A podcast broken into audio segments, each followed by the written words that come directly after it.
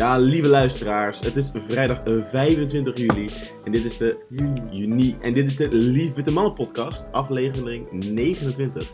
Eh, vandaag gaan we het hebben over het baasinkomen, een onderwerp waar we het al eh, nou, langer plannen voor hadden Erik, en nu eindelijk eh, precies inderdaad deze is voor jou. exact en nu eindelijk over gaan doen. En maar voordat we dat onderwerp gaan introduceren is het tijd voor wat opmerkelijk nieuws, gehost door onze weledele eh Ja, Krijn, gooi hem maar erin. tafelgenoot Krijn. Ja, het is, eh, deze keer is het weer van het AD, vanuit een eh, rubriek Bizar. En de titel is YouTuber laat onverwoestbare auto van 3 kilometer hoogte naar beneden storten. Er zit dus een journalist bij het AD, die kijkt gewoon YouTube filmpjes. En die typt daar dan een stukje over. Fantastisch. En overleefde de auto het nou uiteindelijk? Want dat was onverwoestbaar. Nee, tuurlijk niet. Wa- maar op wat manier was hij onverwoestbaar? Ja, het was een eh, Toyota Hilux en in Top Gear hebben ze die een keer van een gebouw van 60 meter afgegooid en kennelijk reed hij toen nog. Nou ja, Eh, die- dus, ja, ik ken de aflevering. Toen, stort, toen hadden het, het gebouw werd opgeblazen en dus op het dak die auto. Ja, Dus, Dus- hij- eh, eh, zo- Valt hij dan 60 meter of is ook wordt Hij, hij, hij- ja, hij- ja, hij loont gewoon een beetje mee, zeg maar. maar, Maar- deze, deze man heeft hem dus eerst van 150 meter, toen van 10 kilometer naar beneden laten vallen. Het is een filmpje van 17 minuten. En bij het AD zitten ze zo verlegen om content dat ze daar dus gewoon een heel artikel... Ze hebben echt een lang artikel ook getypt. Ja, maar voor mij is het AD bestaat ook gewoon uit mbo-journaliststudenten die eigenlijk hebben gewend zijn om stukjes te schrijven voor de lokale eh, FC eh, Zuid-Dordrecht-Oost, om daar dan re- een repertoire van te maken. Dat is waar die lokale afdelingen voor zijn. Ja, zeker. Is de AD ook, ook gewoon niet, niet de krant die als groep de meeste eh, journalisten heeft? Omdat ze heel veel kleine journalistjes hebben die overal een beetje aanrommelen in hun regio's en buurtjes. Ja, ze hebben veel regionale kranten inderdaad en daar vallen allemaal journalisten onder. Maar die schrijven allemaal voor de, ook voor het AD, voor landelijk. Daar publiceren ze ook sommige van die stukken in. En de regionale krant is gewoon 80% gevuld met standaard AD-rotzooi. Ja, Ik zou het maar, geen rotzooi willen noemen, het zijn gewoon Heeft, mooie, heeft ooit stukken. echt zo'n sterke scoop die politiek in, in, impactvol is geweest? Met de toeslagenaffaire of andere zaken? Of, volgens mij Vast nooit. Ze hebben- wel, Ze vast hebben wel. Angela de Jong. Ik weet niet. Dat is die tv-recensente. Die, eh, Nou ja, die is wel toonaangevend. de strips. En ze hebben Eugène Akjol als columnist. Vind ik nog wel grappig. Maar dat is een sport, toch? Nee, volgens mij is hij, gewoon, hij heeft een algemene column. Oh, nou, verwar Ja, ik ik heb wel met AD, anders. ik weet een relatief, het is natuurlijk een vlakkige krant, maar het is relatief sympathiek. Focus ligt gewoon bij sport en eh, iets maar- meer entertainment. Maar het, is, het staat er op dezelfde voet als de Telegraaf, vind ik. Maar ja, die Ja, mensen... ze echt met, eh, de, ik vind AD is neutraal. Oh, Ja, eh, AD is neutraal, Telegraaf neutraal. is Echt politiek Ja, gestuurd. maar de Telegraaf is ook, misschien, is, misschien taalgebruik is hetzelfde, maar AD is wel daadwerkelijk een hogere kwaliteit krant, met ook wat Ja, dat is waar. journalistieke integriteit, dat, Telegraaf gewoon niet heeft. Telegraaf zijn echt Nou, dom stukjes eh, typen. Ik vind de Telegraaf heel sterk. Zeker, maar eh, economisch gezien is het een heel sterke, is het een heel sterke krant, dat doet hartstikke goed. Hartstikke goed. De grootste krant van Nederland, hè? ja, De krant van Wakker, van Nederland. Wakker Nederland. Ja, eh, genoeg over krant geluld. Ja, Het basisinkomen. Ja, ja, terug naar het onderwerp. Ja, dat- het basisinkomen is een beetje van de radar geweest door corona. Eh, Heel veel mensen hebben eigenlijk een beetje het- het basisinkomen mogen meemaken in Als je deze maanden. ZZP'er was afgelopen maand, heb je een mooi bedrag kunnen ontvangen. Ja, zeker. een basisinkomen. Je hoeft er Eh, niks voor te doen. niks. Je moest gewoon op een bankje liggen. Ja, het, het is sowieso een beetje een buzzword geweest. Het boek Gratis Geld voor Iedereen, dat, van, dat de correspondent een aantal jaar geleden heeft uitgebracht. Rutger Brechtman, die Onze held. niet. en Onze het nieuwe heilige boek vader. eh, van die Koen Brunning, eh, dat is een jonge, jonge vent, die heeft eh, iedereen, iedereen Rijk of zo heet het boek. Samen rijk. Samen die- ken ik niet. Daar heb ik ook de hype niet van mee. Nou, maar die kerel die was bij GroenLinks dus die langs geweest. Dat is echt een jongetje uit Amsterdam, die is 20 of zo. Die heeft een boek geschreven erover. Echt zo'n goede autist die lekker aan het schrijven is de hele dag. Maar, Dat nou is ja, vriendelijk houden. Ja, we het even nou ja, ja heel, heel hoog productief autist, mag gewoon. Ja. Eh, maar Oké, ja. Maar is fair enough. Kijk, een goede, goede kerel. eh, en, maar een, logischerwijs heeft hij een, een, een boek geschreven over een onderwerp dat ontzettend hip is. Eh, het, het basisinkomen. Eh, maar er zijn natuurlijk heel veel verschillende opvattingen van het basisinkomen. Niet ieders basisinkomen is hetzelfde. En er zijn ook wel argumenten voor waarom eh, dat nou, het ene of het andere basisinkomen worden. En ook wel een verklaring voor waarom basisinkomen ju- juist nu langzaam interessanter aan het worden is. Ook al is het een concept dat al sinds de jaren 60 eh, rondspookt in de publieke debatten. Zal ik het verder introduceren of hebben jullie dat denken? Nou, moeten we het basisinkomen introduceren? Nou, je hebt gewoon heel veel verschillende vormen van basisinkomen.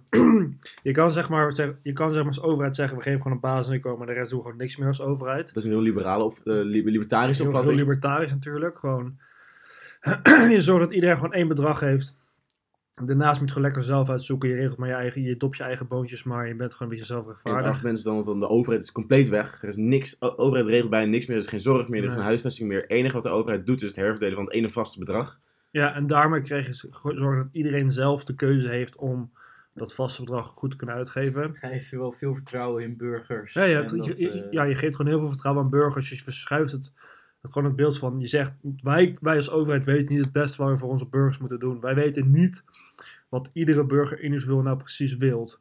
Dus daarom vinden wij het gewoon het beste. Wij geven gewoon het geld aan de burgers. En de Ja. burger is zelf rationeel en verstandig genoeg. En die weet precies zelf waar hij zijn geld aan uit wil geven. En en wat het- voor zorg hij wil, hoeveel, hoeveel vrije tijd hij wil, hoeveel zorg hij wil, hoeveel van dit product hij wil wil. werken daarnaast. Hoeveel of hij wil werken daarnaast. Ja, en het is natuurlijk ook een fantastische manier, als je dus ontzettend libertarisch bent, om alle macht gewoon weg te halen bij de overheid. Want de overheid heeft maar één afdeling en dat is, de en dat is nou, Nachtwakerstaat en de herverdelingafdeling. Ja. En die, heeft, die geeft aan iedereen dezelfde, eh ba hetzelfde basisinkomen. Het is best wel helemaal geen, niet, niet, niet een heel progressieve actie of zo, want iedereen krijgt gewoon, krijgt gewoon een bedrag. Lijkt me erg inefficiënt ook. Maar een eh, libertariër zou ook niet zeggen basisinkomen, die zou zeggen burgerschapsdividend. Ja, oké, maar Ja, burger- dat, dat was één. En aan de andere kant, andere kant van het spectrum heb je natuurlijk het, het linkse opvatting. Dat is eh misschien Fully sociaal-democratisch luxury, links. automated. eh, Fully automated luxury communism. Ja, prachtig. Hè? Zo even en eigenlijk tussenvorm, eigenlijk meestal is het dan gewoon al- het huidige systeem van sociale zekerheden blijft behouden. En met de overheid die overal is. En het is gewoon als extra toevoeging is dat basisinkomen. Net zoals een basisinkomen dat eigenlijk al, dat hebben we- bij iedereen al heeft. Iedereen is grootouders in ieder geval, de AOW. Zo'n systeem moet het dat dan zien. Dat is ook niet helemaal basisinkomen. Nou, de uit... Jawel, nee, er wordt best wel flink op gekort. Als je twee jaar in het buitenland eh, gewerkt en gewoond hebt, dan eh nee, maar heb pensioen je is ons minder recht op AOW. Ja. Nee, nee, nee. nee. Ja, fair enough, fair AOW enough. is best wel streng nog. Ja, oké, fair enough. Maar dat, eh, kijk, het is natuurlijk je je hebt heel veel soorten basisinkomen, ook in de vorm van wie krijgt het, waarom krijg je het. Je hebt ook inkomensafhankelijk basisinkomenplannen.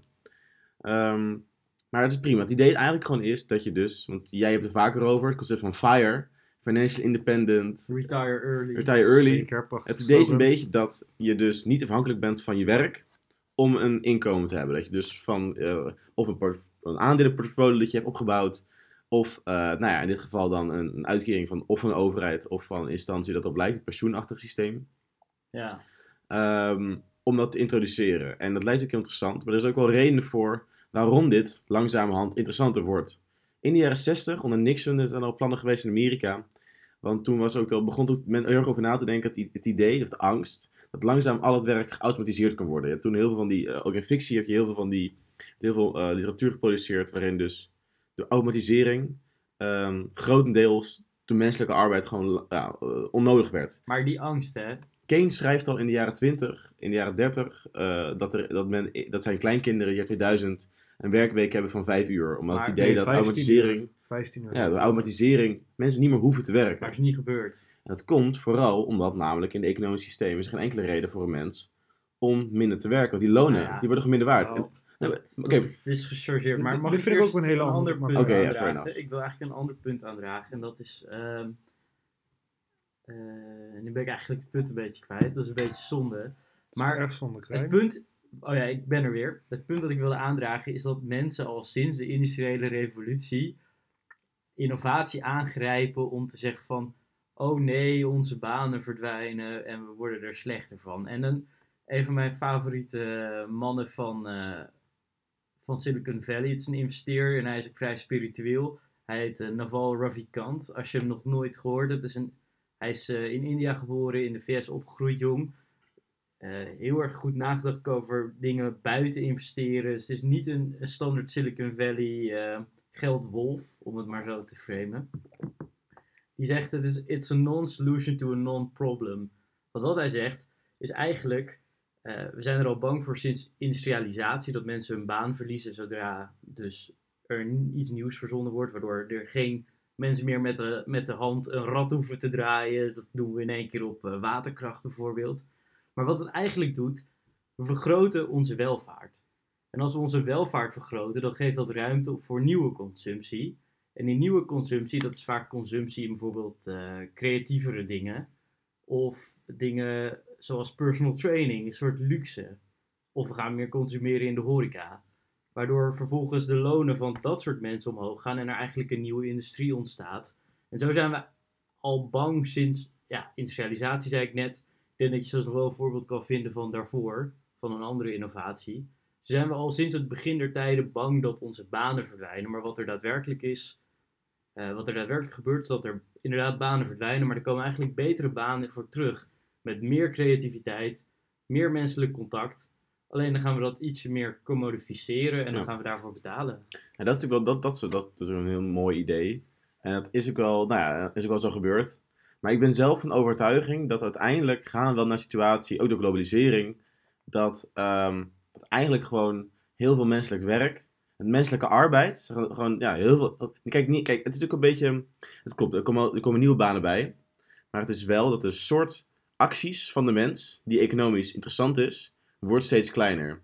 Eh, Als je het met, Nee, maar er ontstaan ook nieuwe. Nee, maar- dat is het maar- punt, maar- die ja, weet ik, maar kijk, dat is het ding dus. Maar dat, die, nieuwe, die nieuwe productie wordt steeds kleiner. Want denk even na. Wat doet automatisering? Automatisering die vervangt een aantal menselijke krachten. Productiemiddelen die een mens heeft. Die eh, in de economie nuttig zijn. Je, hebt, je, hebt, oh, dus, dus misschien handig, je hebt kracht, je hebt handigheid, je hebt intelligentie. En die Nee, kracht... geeft creativiteit. Ja, fair enough. Oké, ik doe er ook bij, zeg maar. Maar je ziet gewoon dat kracht is daar helemaal weggehaald. Kracht Ja. is niet meer nodig. Mensen kracht is niet meer nodig. Dus die factor van de mens is eigenlijk al helemaal gereduceerd. Handigheid, nou, dat was vroeger bij in, in- in manufacturing was echt een ding. Dat is bijna helemaal weg. Bij een niet meer nodig. Hier, hier ben ik het wel mee oneens En je langs, en nu langs ook wel dingen, dus intelligentie en communicatie, eh, die eh, worden steeds meer ook geautomatiseerd. En je ziet dus, ehm, als je echt lange termijn kijkt, dat in een grote termijn komen nieuwe banen bij. Maar die worden dus steeds hoger opgeleid. Heel steeds meer dom werk wordt geautomatiseerd of geoutsourced. Dat is een andere, eh, andere trend die do- doorgaan is. Je hebt een hele groep mensen in Nederland die dan arbeidsonges die buiten de arbeidsmarkt vallen, die te dom zijn, die een handicap hebben, die dus in een sociale werkplaats moeten werken. Vijf jaar geleden was het geen probleem, want die mensen, dat werk dat hun deden, was niet geoutsourced, was niet geautomatiseerd. Dat kon, dat kon men gewoon doen. Nu ben je een langzaam een steeds grotere groep mensen te krijgen in de wereld die gewoon oninteressant zijn voor de economie. Dat is de vraag, hè. Maar dat is Ja maar, ja, ja, maar dit is ook meestal een, een leeftijdsgroep. Die zijn al boven de 40, zeg maar. Nee, Over maar ook, groep mensen. 50, nee, maar ook mensen die 50. met, met, een, met, een, met een verstandelijke Ja, ja, die kijk, is- dat, die, die, dat heb je altijd. Daarvoor wordt er altijd last. Dat was vroeger Nee, ook dat is al niet. Die kon vroeger gewoon, die kon vroeger gewoon aan de lopende band zetten. Maar lost een basisinkomen dat probleem op? Dat is een heel andere vraag. Nou, ik ben echt, ik ben overtuigd, dat het niet nu, maar over een aantal jaar, door ook echt te automatiseren. Dat is een fantastisch mooi Mm, idee, hè? Dat je namelijk steeds meer kan geautomatiseerd worden. Uiteindelijk zul je toch moeten gaan naar een, naar een situatie waarin meer mensen hun inkomen halen, niet zit werk, maar ook uit, nou ja, uit, een, uit rendement, uit kapitaal. Ja, zeker. Ja. Maar we gaan even terug. Dus jij, maar kijk, die mensen die, die, die komen dan nu niet meer aan een baan, denk jij, zeg jij, want eh, banen worden geautomatiseerd. Maar dan ga je ze in de toekomst ga je ze gewoon verplicht thuis laten zitten, soort van. Omdat je gewoon een basisinkomen geeft, maar je geeft ze niks erbij om te doen, zeg maar. Nou, ik ben het heel, zo, Want het, het idee is, je moet ook nog een beetje voldoening hebben met je leven. Dus je dag vullen met leuke ja, maar het, het, activiteiten. is toch niet zo dat alleen maar werk een voldoende factor is? Nee, klopt. Maar, Maar dit werk zijn speelt- denk ik niet mensen die in staat zijn om zelf iets anders te creëren waar ze lol En, halen. en, en het is wel, kijk, het geeft ook een beetje een, een, een ritme geeft aan je leven, zeg maar. Ja, Gewoon, ja. van, gewoon van 9 tot 4, gewoon lekker ergens bezig zijn. Ja, prima. En alleen, eh, en dan kunnen ze s'avonds gewoon een leuke creatieve dingen doen. Maar ze zijn, dit zijn vaak mensen die zijn helemaal niet erg gebaat bij dat ze 's morgens wakker worden. En nog niet weten wat ze de rest van de dag gaan doen. Ik denk dat je mensen prima te doen kan geven. Zij het in Maar- een creatieve manier. Maar maar nu, dan Moet doen- je ze ook daarvoor opleiden? Moet je daarvoor Ja, in trainen Ja, en leren prima. wennen? Nou, ik- eh, Dat is een dit, hele Dit lange vind ik kijk, prima. Kijk, we hebben natuurlijk over basisinkomen het idee dat mensen dus inderdaad hè, misschien de, niet, niet het gehele doel van, die, van, het, van het bestaan van een mens niet meer werk is. Nou, ik vind het wel een beetje oppervlakkig opmerken om te denken dan dat mensen geen enkel doel Nee, meer nee, hebben. nee, ze hebben wel zeker wel een doel. Alleen voor een hoop, voor, voor een groep mensen is vrij lastig. Want kijk, als je gewoon ik een denk band inderdaad staan. dat het heel erg moeilijk is voor ons om in te denken, ook omdat onze cultuur heel erg Mhm. ingericht is rond werk. Ja, Maar ik denk dat zo- zo'n samenleving makkelijk een nieuwe... Oma verveelt zich ook niet, ook al hoeven ze geen werk te doen. Mensen zijn best wel sociale dieren. Als Ja, ze de kans zeker. krijgen, dan komt het best wel prima. Ik zou Nederland niet eh, het land noemen dat helemaal ingericht is rond werk. Nee, rond het eind van de niet. jaren 90, begin 2000 werden we gezien als een soort van het walhalla van post-productivism. En toen waren er Ja. allemaal beleidskeuzes waardoor het helemaal niet werd aangemoedigd dat heel veel mensen gingen werken. Ja, ja Nederland, is, eh, Nederland is ziek, zei eh, eh, onze premier eh, van het CDA natuurlijk weer. Lubbers. Lubbers in Nederland is ziek. Omdat namelijk iedereen, was, iedereen zat in de, in de ehm, eh, In- in- in- arbeidsongeschiktheidsverzekering. Of in de ja. FUT. Ja. Ziektefonds voor heel veel mensen inderdaad. Maar weet je wat het is? Het is ik merk een tegenstelling tussen mezelf en mensen die. Nou, dan, sorry, tussen jou en mij. Jij bent bang dat mensen geen andere banen gaan vinden. En ik ben niet zo bang dat mensen geen andere baan gaan vinden. Ik bedoel, vroeger was er een baan van een man die ging langs huizen om poep op te halen. En dat gooide die in de grote kar. We hebben een riolering aangelegd. En we zijn niet slechter geworden door het feit dat er riolering ligt. En dat, die man is misschien zijn baan kwijt. Maar ja, hij kan niet een slechtere baan gevonden hebben. Nee, maar ik denk met basisinkomen is ook niet dat uh, we dat, dat, dat iets moet gaan vervangen. Dat het is, iedereen gaat alleen maar leven van een basisinkomen. Ik denk dat je naar een flexibeler systeem moet gaan, gaan waarin mensen die of helemaal buiten de arbeidsmarkt vallen, of uh, zo, nou, ook in, de, in een economie, in een samenleving die flexibeler wordt, die een overgangsbeurs uh, nodig hebben tussen banen in, dat je, een, dat je, een, een, dat je misschien geen basisinkomen moet noemen, maar een soort van uh, een, een soort semi-inkomen, inkomstengarantie voor Ja, garantie sommige voor situaties, voor sommige mensen Nee, die nee, flexibel nee, het is. moet wel voor iedereen zijn. Nou ja, dat Wat- wat vind het- juist heel ineffectief. Ja, dat, ja Maar- ik heb niet nodig dat het basisinkomen iedereen is. Het argument maakt het aantrekkelijker, maar dat is niet per se nodig voor een basisinkomen. Een basisinkomen is vooral het idee dat je altijd een soort van inkomen hebt. Maar dat hebben we in Nederland dan toch al met bijstand. Ja, Maar maar, dan zou je eigenlijk zeggen- gegarandeerd ook voor meer leeftijdsgroepen en ook langer. En ook naast, als je werkt, dat je ook een basisinkomen krijgt. maar zeg wat je eigenlijk wil... Wacht. Maar ook, oh, dus, dus, je krijgt ook nog, je krijgt- dus je hebt een inkomen. Als je een laag inkomen hebt, bijvoorbeeld, krijg je ook nog een toevoeging erbij. Een soort Ja, toeslag. Je kan het flexibeler indelen dan, ik- dan maar je hebt al heel veel programma's die ze dan, dat noemt dan het denigerend heet dat, gericht op de working poor. Dus mensen Ja. die werken, maar Ja. het eigenlijk niet voor rond kunnen komen. En, en, en, en dat zie je hier in Nederland. In Nederland bijvoorbeeld de huurtoeslag. Ja, en dat is, ook, Stel, niet, dat is ook niet negatief. Want nee, die- dat, dat ja. helpt heel veel. Alleen je maakt er wel een heel lastig systeem van. En daardoor stel je eigenlijk zo van, je hebt al een huurtoeslag. En je hebt gewoon al een, een laag inkomen dan, zeg maar. Dus dan heb je... Waar gaat dan die basisinkomen dan de toevoeging zijn? Ja, dat is volgens gewoon mij is het verhaal. argument van de basisinkomen inderdaad dat enerzijds ook mensen die onderaan zitten, dat het echt een freedom dividend is. ja. Een vrijheidsdividend, een burgerdividend, dat dus breder gedragen is. Dat niet, dat niet zo'n stigma op hangt, alleen maar zwakheid hebben. En ook dat een deel van de overheidsdiensten, die nu in goede wordt aangeboden, eh, dat dat gewoon een bedrag wordt. Want heel veel die tests die gedaan zijn, als je dus het, de hulp bijvoorbeeld daklozen, dat is best wel duur in Nederland. Eh, en, en er wordt gewoon in goederen en diensten wordt het aangeboden. Eh, en dan blijkt dat je het veel relatief goedkoop kan doen, goedkoper kan doen, door die mensen eh, meer, meer vrijheid te geven en gewoon een bedrag te geven. En ze zelf eigen keuze kunnen maken. Dus die stress vaak weg bij hun, meer keuzevrijheid. En dan een deel, maar ik denk wel 30%, 40%, die weet zich dan uit de, uit de, dak, uit, uit het, uit de dakloosrij te, te werken. Maar dat is een beetje het argument ervan. Dat je dus gewoon mensen een bedrag geeft, dat het enerzijds is meer vertrouwen getuigt, getuigt ervan. En heel veel dingen kunnen mensen ook gewoon via de markt regelen. Maar dat kan je dan ook zeg maar met een. eh, dat kan je dan ook met een veel kleinere interventie ook realiseren. Door bijvoorbeeld een sollicitatieplicht weg te slopen uit Ja, dus een bijstand. Zeker een soort vrijere bijstandsregeling wil je er Ja. soort van maken. En heel veel van die argumenten. En ook een soort nog een, een, een meer toegankelijke toeslagenregeling. Dan wordt het dan ook een soort van, is meer Maar het is dat sowieso niet iets waar we. Maar dat is sowieso iets waar we eigenlijk, eigenlijk wel naartoe moeten. Want ook als je kijkt naar de toeslagen, dat is ook heel, heel streng. En de bijstand is ook vrij laag in Nederland. En er is ook, zit ook een hele grote armoedeval natuurlijk. Als je denkt, je, Ja, dat is, dat is ook het En- voordeel als een basisinkomen. Er is basisinkomen kan het wel overnemen. Maar je krijgt alsnog zomaar stappen, zeg maar. Ja, maar dat, volgens mij ga je inderdaad heel veel effectieve, ineffectieve dingen doen. Want iemand die twee keer modaal verdient. Waarom zouden we daar 1000 euro per maand naar overmaken, bij wijze van Ik spreken? denk sowieso dat een concept van een basisinkomen wel eens goed zou werken. Dat je bijvoorbeeld een soort ehm, een lijn hebt met eh, een soort, dat je een soort eh, je begint eigenlijk met negatieve belasting, zeg maar. Dus je krijgt, dat, dat, is de, dat is je basisinkomen. En dan eh, van elke euro die je extra verdient, dan krijg je 30 cent minder basisinkomen. Dan heb je geen armoedeval. En dan is langzaam wordt die basisinkomen afgebouwd tot je gewoon, nou ja, geen basisinkomen meer krijgt, dan verdien je zelf genoeg.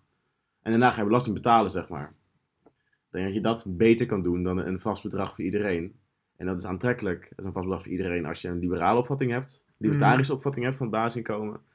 Eh, of dat heel erg het culturele argument wil maken met dat, het geen stigma, dat, dat er geen stigma moet zitten op een bedrag geld. Of, het, of natuurlijk het argument van eh, werkloosheid door technolo- technologie. Het idee dat iedereen na een tijdje wel werkloos is. Maar dat vind ik een Maar- maar, aanname inderdaad. Maar, maar, maar een ander argument voor het universele basisinkomen is ook meestal het politieke draagvlak ervoor. Want zeg maar algemeen bekend, als jij de welvaartsstaat wil uitbreiden, is het beste om het gelijk voor iedereen te doen. Ja. In plaats van selectieve groepen, want dan krijg je altijd zeg maar de rijkere versus de armen natuurlijk. En dan zijn de rijken natuurlijk heel erg tegen, terwijl ze zelf ook een bedrag krijgen. Is er een kans dat ze meer geneigd zijn om positief tegenover te staan? het is Ja, wel maar echt een Dat helpt wel, maar dat is wel een ja. politicologisch argument om het er doorheen. Heb je ook het vak gevolgd van over de, history and philosophy to welfare state? Nee, nee, nee, dit is van, eh, dit heb ik in Noorwegen geleerd. Daar hebben we het erover gehad. Ja, daar, daar ging het, bij het vak in ieder geval ging het ook over, over de soorten welvaartsstaten, verzorgingsstaten. Ja, En die stelde ook dat het sociaal-democratisch verzorgingsstaatssysteem relatief stabiel is. Omdat je hebt dan, je hebt dan nog het, een liberaal systeem, dat is echt, het gewoon echt armenzorg. En je hebt een corporatistisch systeem, dat is alleen voor werkende mensen die een pensioen hebben. Ja. Het sociaal-democratisch systeem, dat is relatief breed gedragen, omdat ook de middenklasse heeft toegang tot.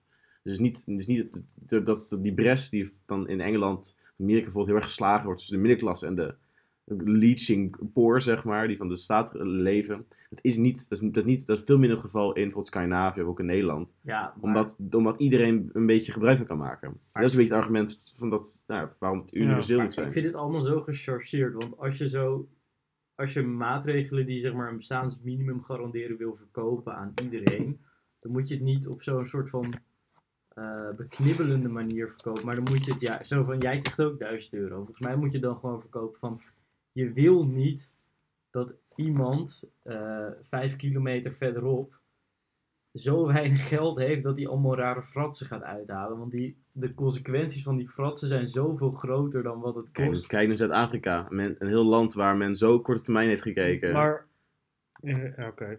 Maar ga even door, Krijn. Dus jij wil zeggen, je moet niet het argument, je moet niet het argument verkopen als iedereen krijgt 1000 euro. Maar je moet het argument verkopen.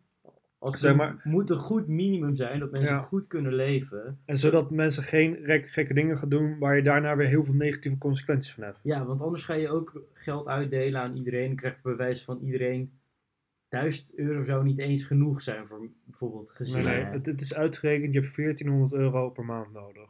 Ja, en dan, dan als we dat naar iedereen overmaken of corrigeren via belastingen. Het, verschil zit alleen maar in ja. vooraf of achteraf berekenen eigenlijk. Dat is het grootste verschil. Ja, sorry, maar dat levert niet zoveel op volgens mij. Ja, het gaat er vooral om dat er gewoon een, een degelijk minimum is. en wat dan inderdaad? We- En wat ga je ervoor betalen? Ga je dan ook de huursubsidie af, af- op, opschorten? Dan denk ik van ja, waarom doe je dat dan nog? Maar dan heb je weer heel veel dingen dat dat hele huis maar compleet andere resultaten gaat creëren. Ja, maar dat is een heel hoofdstuk waar we denk ik niet, Nee, überhaupt niet eens nee, aan dat moeten beginnen. Nee, nee, de huurtoeslag is een heel lastig. Maar ik denk inderdaad dat je het inderdaad, dat je, dat je, dat je misschien basisinkomen, ik heb het maar getekend hier, kijk. Ja, die mooie lijn. Het begint, ne- het begint negatief en dan is het basisinkomen en de boven ga je belasting betalen. En dan, als je dat, infi- je dat gewoon Nee. infixt, dan is het eigenlijk hetzelfde concept. Ja, dit hebben wij gehad En bij eh. Economics and Social Justice. Hebben we hier ook over gehad. Ja, over, ja, maar- over negatieve Ja, belastingen. ja, maar ik, ik vind het allemaal zo... Je tuigt een heel ander systeem op wat leuk is om theoretisch te vergelijken. Maar als je Mm. kijkt naar de realiteit... Ja, wil je dat dan? Dan denk ik, nee, je wil dat helemaal niet. Je wil gewoon een, een degelijk minimum voor mensen. Dus wat je dan eigenlijk wil stellen is, de bijstand moet omhoog, de WW moet dan omhoog. En je wil gewoon betere toeslagen, een betere, Ja, maar het ding is, het is wel, een systeem is, dit is wel- is bijvoorbeeld aantrekkelijker als het gaan van die uitkeringssystemen. is maar ook flexibel genoeg. Wat juist ook met het, het argument ook een beetje is. En dat kan je, basisinkomen kan er veel anders ingericht worden. Juist ook omdat flexibilisering van de arbeidsmarkt is een ding. Het is ook best wel goed uiteindelijk. Eh, die, die flexibele arbeidskrachten die mensen die bedrijven kunnen krijgen. is nog heel veel dynamiek. Probleem is wel dat men geen lange termijn keuze kan maken. Mensen beginnen geen gezin omdat ze geen inkomen hebben, geen hypotheek kunnen krijgen. Ja, maar dan kan je toch ook als je de bijstand op een niveau van 12, 1300 euro zet. Ja, dan... Ja, maar eh, er is echt iets flexibeler maakt. Dat je per maand gewoon een bedrag bij kunt krijgen en dan gaan we eraf. Een, basis, een bijstand is een heel traject waar je ingaat. Denk voor mij, denk je het basis... Ja, maar als je dan bijstand wat minder traject maakt en gewoon wat meer onvoorwaardelijk, dat we vinden omdat je een Nederlands burger bent, heb je als je het moeilijk hebt, heb je gewoon recht op dat we je niet keihard op je bek laten Ja. vallen. En maar dan denk, dat, dan denk ik eigenlijk dat de conclusie is van dit, dat we eigenlijk Nee. in Nederland heb je een relatief kleine vervanging nodig. Een Mm. verschuiving, een herorganisatie van het systeem. Een klein beetje maar. Geen revolutie, maar een evolutie. En een andere naam erop, dat iets sympathieker is. En dat je er meer kans op krijgt. Ook al En, Ben je en, zo en vader? is iets, meer, iets meer solidariteit er misschien ook nodig. Gewoon iets meer medeleven hebben met de armere mensen in Nederland. Dat je niet zo stigmatiserend hoeft te praten over bijstand, bijstandtrekkers en dat die alleen maar frauderen en dat die alleen maar lui op de bank liggen. Zeg maar, dat moet een beetje een stigmaverandering ook zijn. Dat, dat je niet zo negatief meer naar hoeft te kijken. Dat zeg maar, je wilt die mensen oprecht helpen. Ja, je moet die mensen ook niet zielig praten, want ze kunnen Nee. best wat. Ze kunnen prima wat. Het zijn gewoon Ja. normale mensen. En mensen basis komen, en dat is psychologisch ook een beetje. Als je stress hebt, als je stress en onze- onzekerheid over geld hebt, dan, dan, dan, dan maak je dan, dan die, die delen, de delen van je hersenen die rationele keuze maken, die vallen gewoon stil. Mensen met die bijvoorbeeld schulden hebben, die negeren gewoon eh, briefbussen, gewoon brieven die op de, de mat vallen. Omdat je hersenen gewoon totaal anders reageren onder stress. Ik las laatst trouwens, hierop aanvullend, eh ik las laatst een stuk, dat was Erik Scherder, die was bij RTL Z. En die, eh, het ging over dat financieel verlies, dus wanneer je beleggingen minder waard worden, dat ervaren mensen hetzelfde als liefdesverdriet. Ja, holy shit. Ja, precies. ja, als liefdesverdriet. Maar ja, dat zegt wel iets over financiële stress. Dus zo'n, ik, ik ben niet zo voorstander van een basisinkomen vanuit de staat. Want ik denk gewoon dat je te veel doet, terwijl je met kleinere aanpassingen net, minstens net zo goed resultaten kunnen bereiken. Maar ik vind het wel interessant dat mensen eh, financieel onafhankelijk zouden zijn. En niet afhankelijk zouden zijn van, eh, van hun werk voor inkomen. Maar dat heeft er meer mee te maken dat ik het principe dat je als je werkt, dan dat is niet, dat is niet schaalbaar. Dus je wisselt gewoon één op één uren voor een bepaald salaris. Dus je kan eigenlijk nooit meer dan 80 uur per week werken. Maar als je kapitaal hebt, dan hoef je daar geen inspanning tegenover te zetten. Dat kapitaal dat rendeert en dat levert inkomen voor jou. Maar dat is meer FIRE. Maar als je dan FIRE en beleggen, dat brengt weer heel andere dingen met zich mee. Zoals bij, nou ja, wat ik net noemde, Erik Scherder en de stress. Dat je dus naar je beleggingen kijkt en dat je ziet dat ze minder waard worden. En dat je gaat twijfelen van, heb ik wel de goede strategie gekozen? Dat lijkt me ook weer niet iets wat iedereen zou moeten doen. Of dan gooien mensen in één keer de helft van hun vermogen in Dogecoin of iets anders waarvan je denkt van, Ja, is een ja. scam. Dus het lijkt me ook niet helemaal wenselijk dat mensen particulier Nee, maar Als daarom denk ik ook die, dat, je- dat, misschien FIRE. dat ook dat, dat FIRE niet moet gaan zien als, eh, als een particuliere eh onder. Misschien de basisinkomen kan ik beter zien als een, gewoon een AOW, heel veel een pensioen voor werkende mensen. Dat is eigenlijk ook gewoon een groot beleggingsinstituut dat belegt geld voor jou, gedeeld Mhm. door je werkgever, gedeeld door de overheid bij elkaar gespaard. Ehm, en het is ook gewoon Piketty heeft er ook onderzoek naar gedaan. Dus de groter het kapitaal is dat je, dat je eh, in, in pacht hebt, een pand hebt, dat je beheert, is er hoger rendement gewoon is. Nee, dat is niet waar. De literatuur die zegt, ja, mensen met een hoger kapitaal, die doen allemaal een rare frats, maar die halen geen hoger rendement. Het beste wat zelfs die mensen zouden kunnen doen, is gewoon een indexfonds fonds kopen Ja. en 8 tot 10 procent halen maar wat, per jaar. wat, wat Piketty dan gebruikt is, eh, hij vergelijkt volgens mij de endowments van grote universiteiten. Omdat die relatief eh, even hetzelfde doel hebben, lange termijn investeringen, om uh, rendementen te halen. En het is allemaal relatief, er zijn geen individuen, er zijn organisaties. En dat hebben we naast elkaar leggen, zie je gewoon dat de organisatie dat eh, even, evenredig met het kapitaal dat ze, dat, ze, dat ze in beheer hebben, stijgt het rendement. Dus de grote MIT ja, en Oxford, die dit, hebben... dit is één fonds, hè. Dit, dit, dit vind ik wel leuk, maar er zijn inderdaad Ja, tien van die, die hebben- universiteiten. Die hebben miljarden. En dan zie je gewoon hoe klein universiteit is, hoe laag het rendement is. Maar en in Nederland is- hebben ze een enorme, enorm, Ja, enorm pensioenfonds. En sorry, die doet erg goed. Maar dit is echt. Dit, dit, Oké, maar dit vertekent helemaal het beeld. Want als je kijkt, zeg, als je 10.000 rijke particulieren pakt. Niet om particulieren. Nee, nee, Ja. maar, maar dit gaat over. Dit zijn zeg maar 10 beleggingsfondsen die inderdaad exceptionele rendementen halen. Maar deze beleggingsfondsen zijn zelfs niet voor rijke aards met 15 miljoen toegankelijk. Omdat deze mensen zo selectief zijn met het uitkiezen van alumni en mensen met, eh, nou ja, echt bijna miljardairs. Dit zijn beleggingsfondsen die helemaal niet Die toegankelijk fondsen zijn. zijn niet die voor, mensen. die fondsen niet voor individuen. Fonds is, dat is het fonds van de universiteit zelf. Ja, maar dit zijn, dit zijn zulke uitzonderlijke fondsen. Je kan niet zeggen dat mensen met meer kapitaal altijd een hoger rendement halen op basis van dat er tien fondsen in de Verenigde Staten zijn. Die maar een zijn argument ook andere halen. onderzoeken zoals ik krijg is gewoon, het, het idee is gewoon, naarmate je meer kapitaal in bezit hebt, kan je eh, een groter wat- deel van je rendement kun je uitgeven aan goede adviseurs die voor jou je geld eh uitdelen. Je kan meer spreiden, je bent flexibeler, je kan lange termijn denken. Maar de, en de literatuur zegt ook dat over een periode van 30 jaar verslaat maar 1% van de fondsmanagers de index. Dus Ja, dat, kijk, hoe rijker je bent, hoe gekker je ook dingen gaat doen, zeg maar. En hoe groter je ook je risico neemt, omdat je gewoon een grotere buffer hebt natuurlijk. Dus, die, dus, dus meer de, de gedragspsychologische kant van crime zie ik ook wel. Dus zeg maar gewoon dat je, als je gewoon meer geld hebt, dan kan je gewoon meer gekke dingen gaan doen. En gekke dingen kunnen ook gewoon heel verliesleidend zijn. Ja, Alleen- vaak. Vaak. Alleen jouw Bijna argument snap ik ook wel, Raoul. Zeg maar, als je een groter fonds bent, dan kan je ook gewoon meer spreiden als eerste. je Dus kan je meer diversificeren. Ja, Het argument dat ik vooral probeer te maken is, is dat eh, gezien de verandering in de economie, hè, arbe- arbeid die langzaam ook minder interessant is voor veel mensen, levert minder op. Maar- Eh, rende- zo rentenieren wordt gewoon veel belangrijker. Sorry, maar, sorry, En wat ik bedoel is maar je dat... verkracht het punt van Piketty. Want als je op je kapitaal slechts een rendement van 4% haalt, dan groei je harder dan het rendement op arbeid. Ja, ja dat, dat is het punt. ja, ja, maar dan moet je niet aanhalen met die universiteit, want die fondsen van die endowment. Ja, maar dat is een argument, dat is een, dat is een deel van zijn logica. Dat hij dus laat zien is dat hoe groter het endowment is, hoe groter het kapitaalbeheer. Ja, oké, En dan met, uh, uh, met data, met data, zo fondsmanagers, dan zie, dan zie je dat het, dat het beter lange termijn, met meer kennis, meer geld, kunnen ze een beter rendement voor Ja, elkaar krijgen. Maar dat is een beetje misleidend, want dan heb je dus zeg maar de stille, eh, de stille fondsen, die zie je niet in de cijfers terug. Dat zijn zeg maar de fondsen die net zoveel of meer geld erin steken en allemaal niet dat rendement halen. Fair enough. Oké, dat maar... is stil bewijs. Oké, oké, fair enough. Ja, nee, maar, maar maar, ik, werd, ik was een beetje triggered het punt dat probeer te maken is, is dat eh, rentenieren wordt belangrijk. Het is belangrijk om eh rendement kapitaal te krijgen, ook voor particulieren.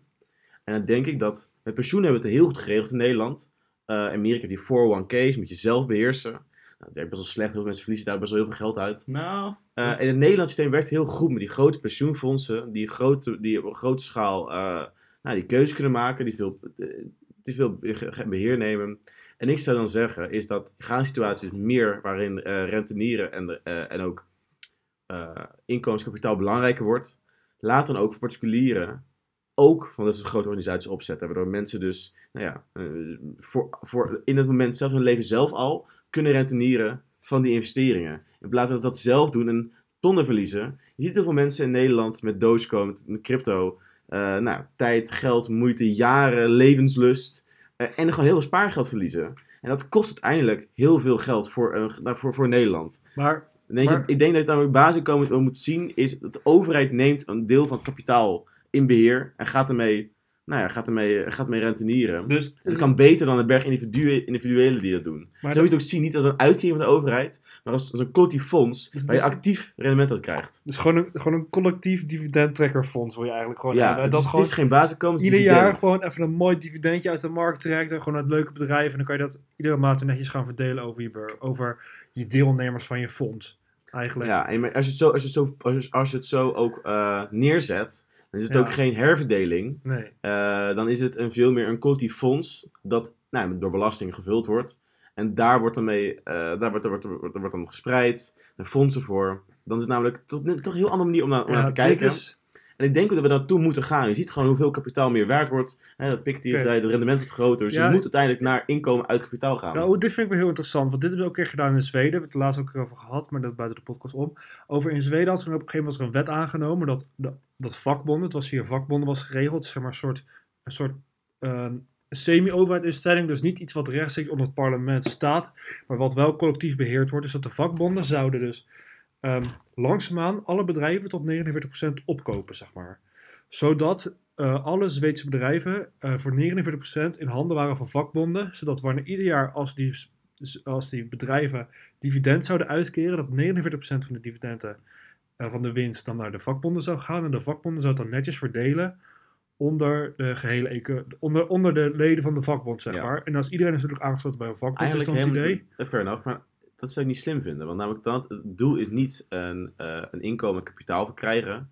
Maar is het langzaam de bedrijven in, in handen krijgen van de werknemers eigenlijk. Ja, maar, maar dan heb nee, ja, ook, dat is dus ook weer het ding. Maar daar, daar heb je wel ook weer ieder jaar je dividend dat je haalt uit je Ja, inkomen. maar dat, het dat deelt ook in sympathiek. Dus Maar dat- het is heel handig dat je dan die bedrijven, die mensen zelf inzitten, je daarin jezelf investeert. Want eigenlijk wil je juist veel flexibeler zijn. Ja, tuurlijk. Die maar- bedrijven moeten ook gebied kunnen gaan. Je moet bedrijven in het buitenland kunnen vinden. Zo'n fonds dat voor de bevolking werkt. Maar, maar, Maar maar, niet dit vastzitten juist- in lokale bedrijven. maar, met dit idee, dit was dit, in de afgelopen 2020, Bernie Sanders en Elizabeth Warren hadden dit in hun verkiezingsprogramma gezet, zeg maar. Dat dit, zo'n collectieve opkopen, dat collectief samen weer eh, front, een fonds start in die een bedrijf gaat investeren, zodat kan, kapitaal kan renderen. Dat was juist wel weer een nieuw opkomend idee in Ja. die verkiezingen. Dus het speelt zeker wel. Alleen er zitten heel veel complicaties Maar, aan. eh, Ja, ja, fair enough. Ze zijn er in Zweden binnen 10 jaar of zo Ja, ja. mee gestopt. Hè. Dus- Waarom zijn ze gestopt? Voor, gewoon die vakbonden die konden gewoon niet goed. eh, die fondsen, dat, beheer ging gewoon heel slecht. En politiek was er ook heel veel eh on, eh, ongeloof erin dat vakbonden eigenaar moesten worden van bedrijven. Op een gegeven moment, het is in begin jaren 80 eh, geïntroduceerd. En in de jaren 90 heb je natuurlijk die hele privatisering, neoliberale golf gehad. Niet per se negatief, maar het heeft wel een andere denksfeer gebracht binnen economisch denken binnen de overheid.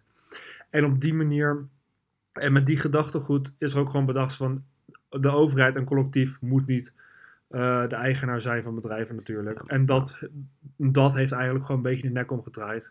Ja. En omdat gewoon in de eerste paar jaar moet je het moet het opbouwen. En dat kost heel veel. En het is een, en Tijd het is, voordat het is eigenlijk een, renderen. eigenlijk een slechte prikkel. Want de vakbonden zelf, die beheren dan... Ja, is- die leden die beheren eigenlijk een eigen bedrijf. En dan geeft ook eh, slechte concurrentieprikkels. En namelijk, je moet jezelf eigenlijk eh, pushen om meer te gaan verdienen.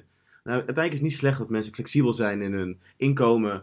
Dat mensen eh, van baan moeten Maar dit is veranderen. ernaast. Maar dat, dat hoort er allemaal bij. En daarom denk ik juist, dan moet je niet bij een bedrijf, niet binnen een bedrijfgroep houden, bij een vakbond, waar mensen misschien eruit moeten gaan, het bedrijf dat gewoon failliet zou moeten kunnen gaan.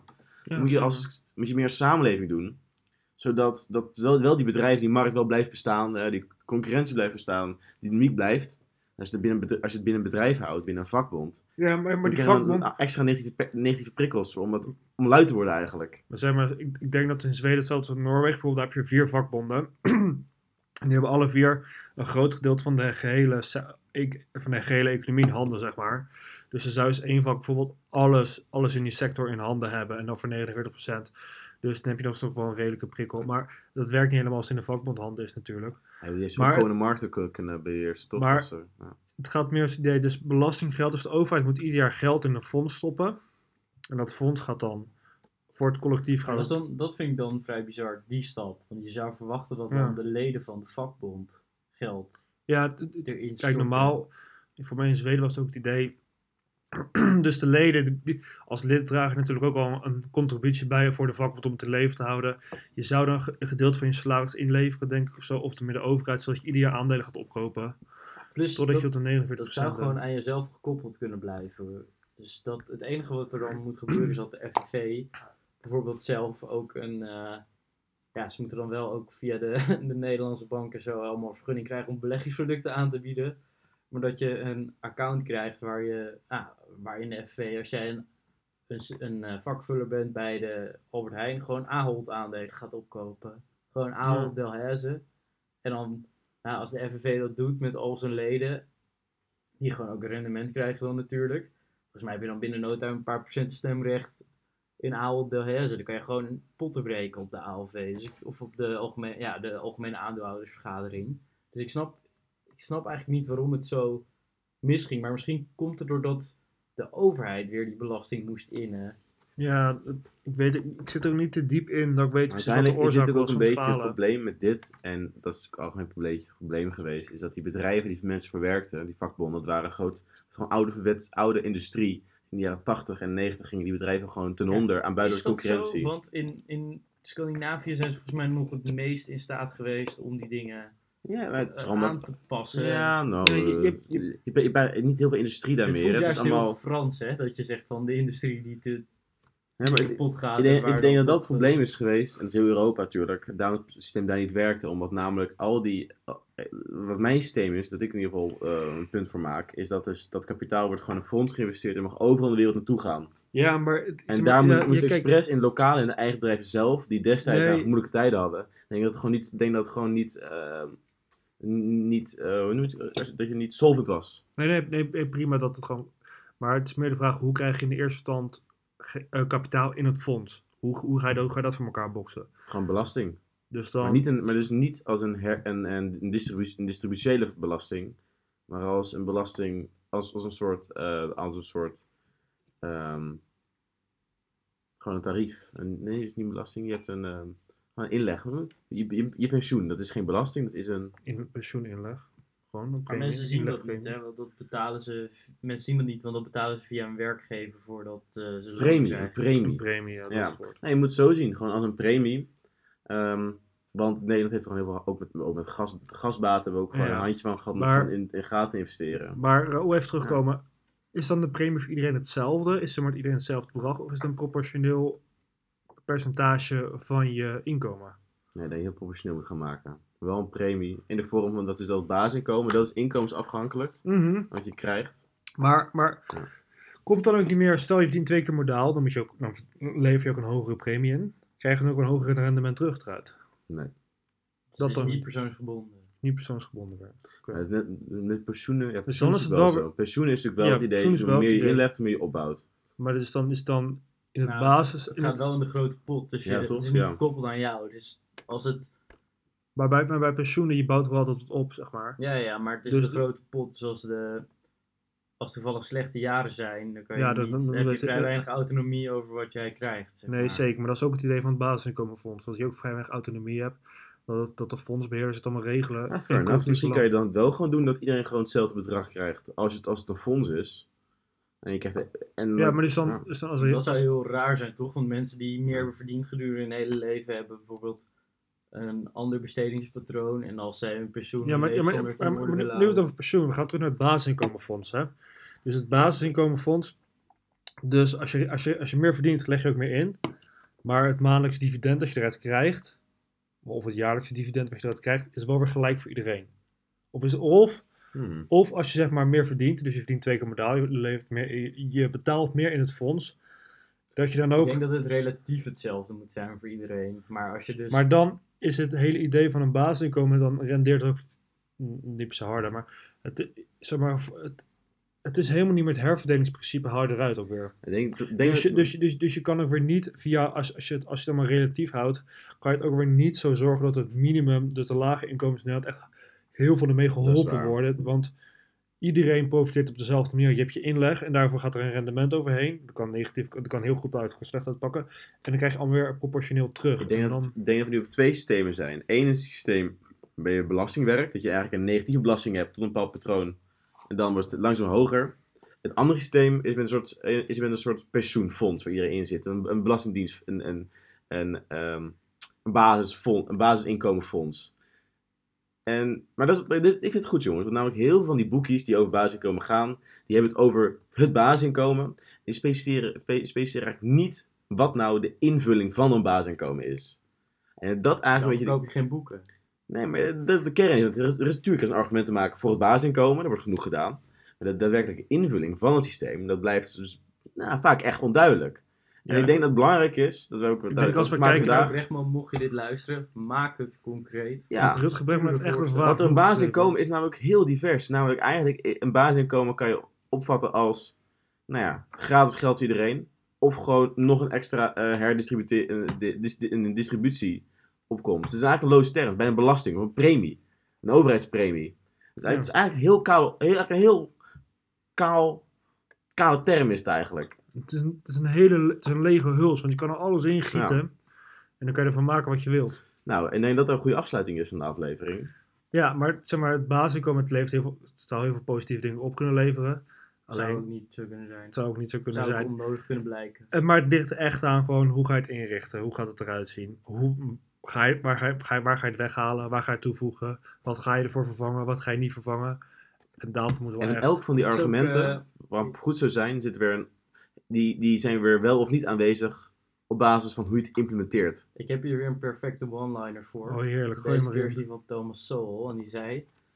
There are no solutions, there are only trade-offs. Het, want zo is het ook met zo'n stelsel. Ja. Er is niet een oplossing hoe je alles oplost. Je, je hebt alleen het ene negatieve aspect niet en het andere ne- of het andere negatieve aspect niet. Dus het is altijd gewoon eh, ellende.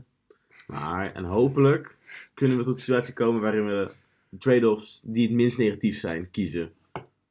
Dat zou wel fijn zijn. Dat zal fijn zijn. Dat zou wel fijn zijn Zo. inderdaad. Jongens, op deze, op deze positieve, to- to- positieve noot wil ik eh, onze luisteraars bedanken dat jullie eh, bijna 44 minuten eh, jullie met ons hebben geschaard, naar ons geblaad hebben geluisterd, jullie wijzer zijn geworden over het concept en de implementatie van het basisinkomen. Zeker. Kritischer, blijer, gelukkiger, er verder naar. Gelukkiger. Vooral gelukkiger, dat is mooi. Hè? Daar doen we het voor, jongens. En vergeet je niet te abonneren op onze fantastische podcast in je favoriete, podcast app. We zijn erg blij als jullie eh, volgende week weer inschakelen voor onze mooie podcast. aflevering 30, jongens. Ja, wordt weer een jubileumnummer. Jezus. Jubileumnummer. Jubileum. Jubileum. Oké. Maar Maar op deze fantastische, eh, scherpe eh, afko- af, afsluiting. Het is ook al 12 uur s'nachts, dus eh, we nemen het een avondje tevoren op. Eh, wil ik jullie hartstikke, ah, hartstikke met harte, van harte bedanken Doei. voor vanavond. Tot de volgende keer.